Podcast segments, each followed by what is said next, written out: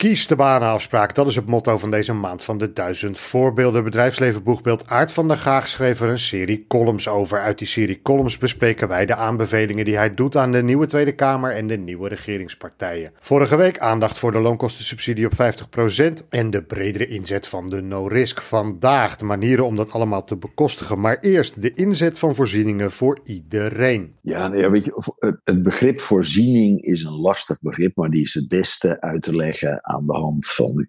Bijvoorbeeld gisteren heb ik weer uh, veel mensen uh, blind, bijna blind uh, ontmoet. Dat kan iedereen bedenken. Dat je dan een voorziening nodig hebt om te kunnen functioneren. De computer die heeft spraaktechnologie nodig. Kortom, er zijn een aantal zaken die essentieel zijn om te kunnen werken. Ik heb ooit zelf in de wereld van de sociale werkvoorziening en de arbeidskunde gewerkt. Soms moest een machine uh, die rechtshandig was, maar de, rechterarm was te per ongeluk geamputeerd, moest voor linkshandig ingesteld worden. Dus in wezen ook een voorziening. Kortom, er zijn uh, allerlei type voorzieningen voor allerlei type handicaps soms uh, noodzakelijk. Daar is het UWV heeft daar natuurlijk een enorme ervaring in. Dat leidt er wel toe dat het UWV soms moet wachten om iets te kunnen toepassen, omdat dan pas iemand in een regeling valt. Dan hebben we weer een half jaar verloren om hem te mogen toepassen, terwijl meneer of mevrouw een half jaar eerder aan het werk had kunnen gaan en daardoor waarschijnlijk succesvoller uh, was geweest. En de groep voor wie het heel hard nodig is, is niet eens zo super groot volgens mij, zover ik dat heb kunnen overzien. Maar het is wel willekeurig wie het wel en niet krijgt. En daarom, als ik iedereen zeg, dan bedoel ik niet als we 300.000 mensen naar de markt brengen, dat 300 mensen voorziening krijgen. Dat is onzin hem niet nodig hebben, hebben niet nodig. Misschien is maar 3% eh, heeft het nodig of iets dergelijks. Uh, maar dan vind ik het wel onafhankelijk van of jij iemand bent die taalachterstand heeft en vier jaar in een uh, asielzoekerscentrum heeft gezeten, nu statushouder is en iets nodig heeft om op die vloer te kunnen functioneren. Of dat jij doof bent en daar extra andere hulpmiddelen voor nodig hebt. Dus we zijn nu ongemerkt eigenlijk beland vanuit de banenafspraak naar verbreding, in elk geval van de inzet van instrumenten daaruit. Argument daartegen, uh, of in ieder geval uh, gehoord uh, op het departement, is een financieel argument. Je schrijft ja. er ook over in je column. Jij noemt die argumentatie een godspe.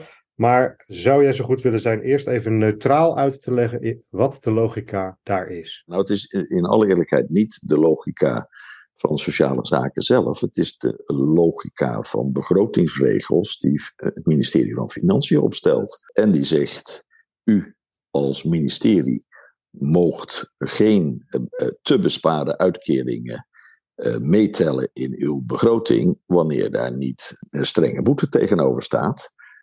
Voor de werkgever in dit geval. Want anders wordt het toch niet binnengehaald. Dus dan bent u met uh, illusoir geld bezig, zeg maar. Dus het gaat erom geen blanco cheque uit te mogen schrijven. Dus er moet dan dekking zijn op het moment dat de verwachte winst niet wordt gerealiseerd. Ja, want dan kan die uit die boetes gehaald worden en ja. dan is de begroting weer sluitend. En daar had ik in het begin van de banenafspraak al driftige uh, discussies over met Jette Kleinsma en haar ambtenaren. Uh, met Tamara uh, van Ark nog meer. Ja, 300 miljoen begrotingstekort. En dan denk ik, ja, 300 miljoen, dat is natuurlijk een soort uh, monopoliegeld. Hè? En als je dan de achtergrond gaat begrijpen, dan is dat voor hun wel een probleem. Want zij kunnen die regels van financiën namelijk gewoon niet aanpassen. Maar op het moment dat je het met politici bespreekt, dan beginnen ze buitengewoon glazig te kijken. Oh, maar dat gaat mij dan wel veranderen. Want zodra ze het horen, Daan de Kort van de VVD, hè, zittend Kamerlid, stelde dat bij het arbeidsmarktdebat eh, van eh, BNR en ABU zelf voor. Wil veel grotere groepen naar de markt brengen. Daar, dan, toen vroeg Lisbeth Staats, de discussieleider, hoe betaal je dat dan? Kost eigenlijk niks, want ze, genieten nu een uitkering en die is dan niet meer nodig. Nou, toen ben ik ook opgestaan. Ik zei, ja, vind het een prachtig plan. Maar dan zou je toch echt de financieringsregels van, uh, en de begrotingsregels van het ministerie van Financiën moeten gaan uh, veranderen. En uh, dat kan misschien wel. Maar dan moet je dat op die manier aanpakken. Want alleen roepen ik wil meer en er is geen geld voor, leidt tot niks.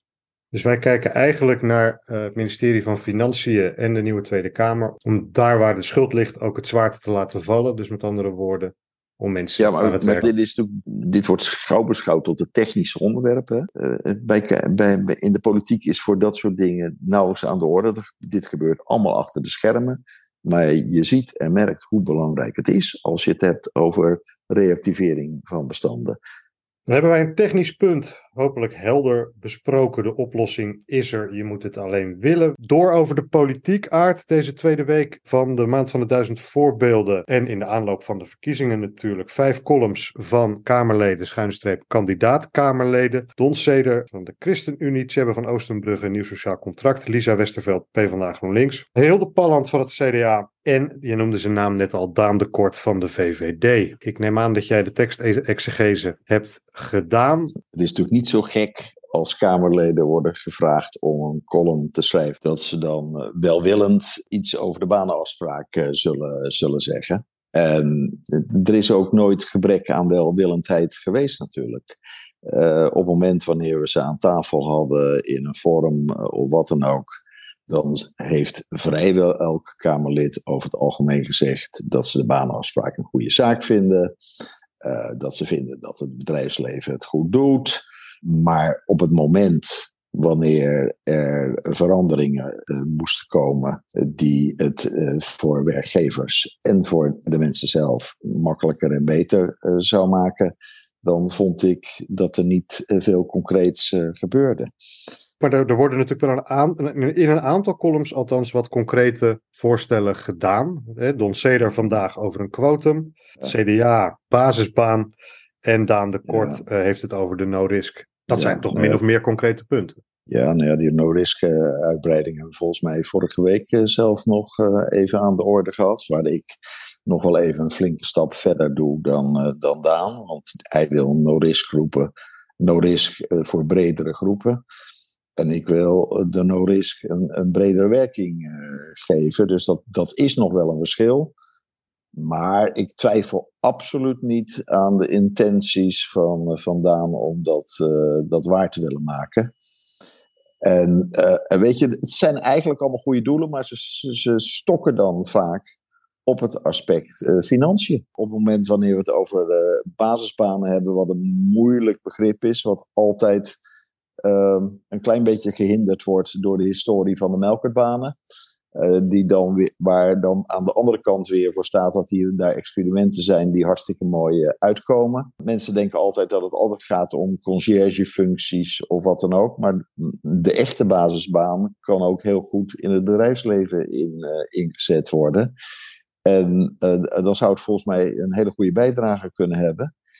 Aan de andere kant, we leven wel in een tijd van arbeidsmarkttekorten dan zijn er kansen om gewoon uh, structureel te zorgen dat er echte werkgelegenheid uh, uh, gaat, gaat komen. En dat spreekt mij dan toch meer aan.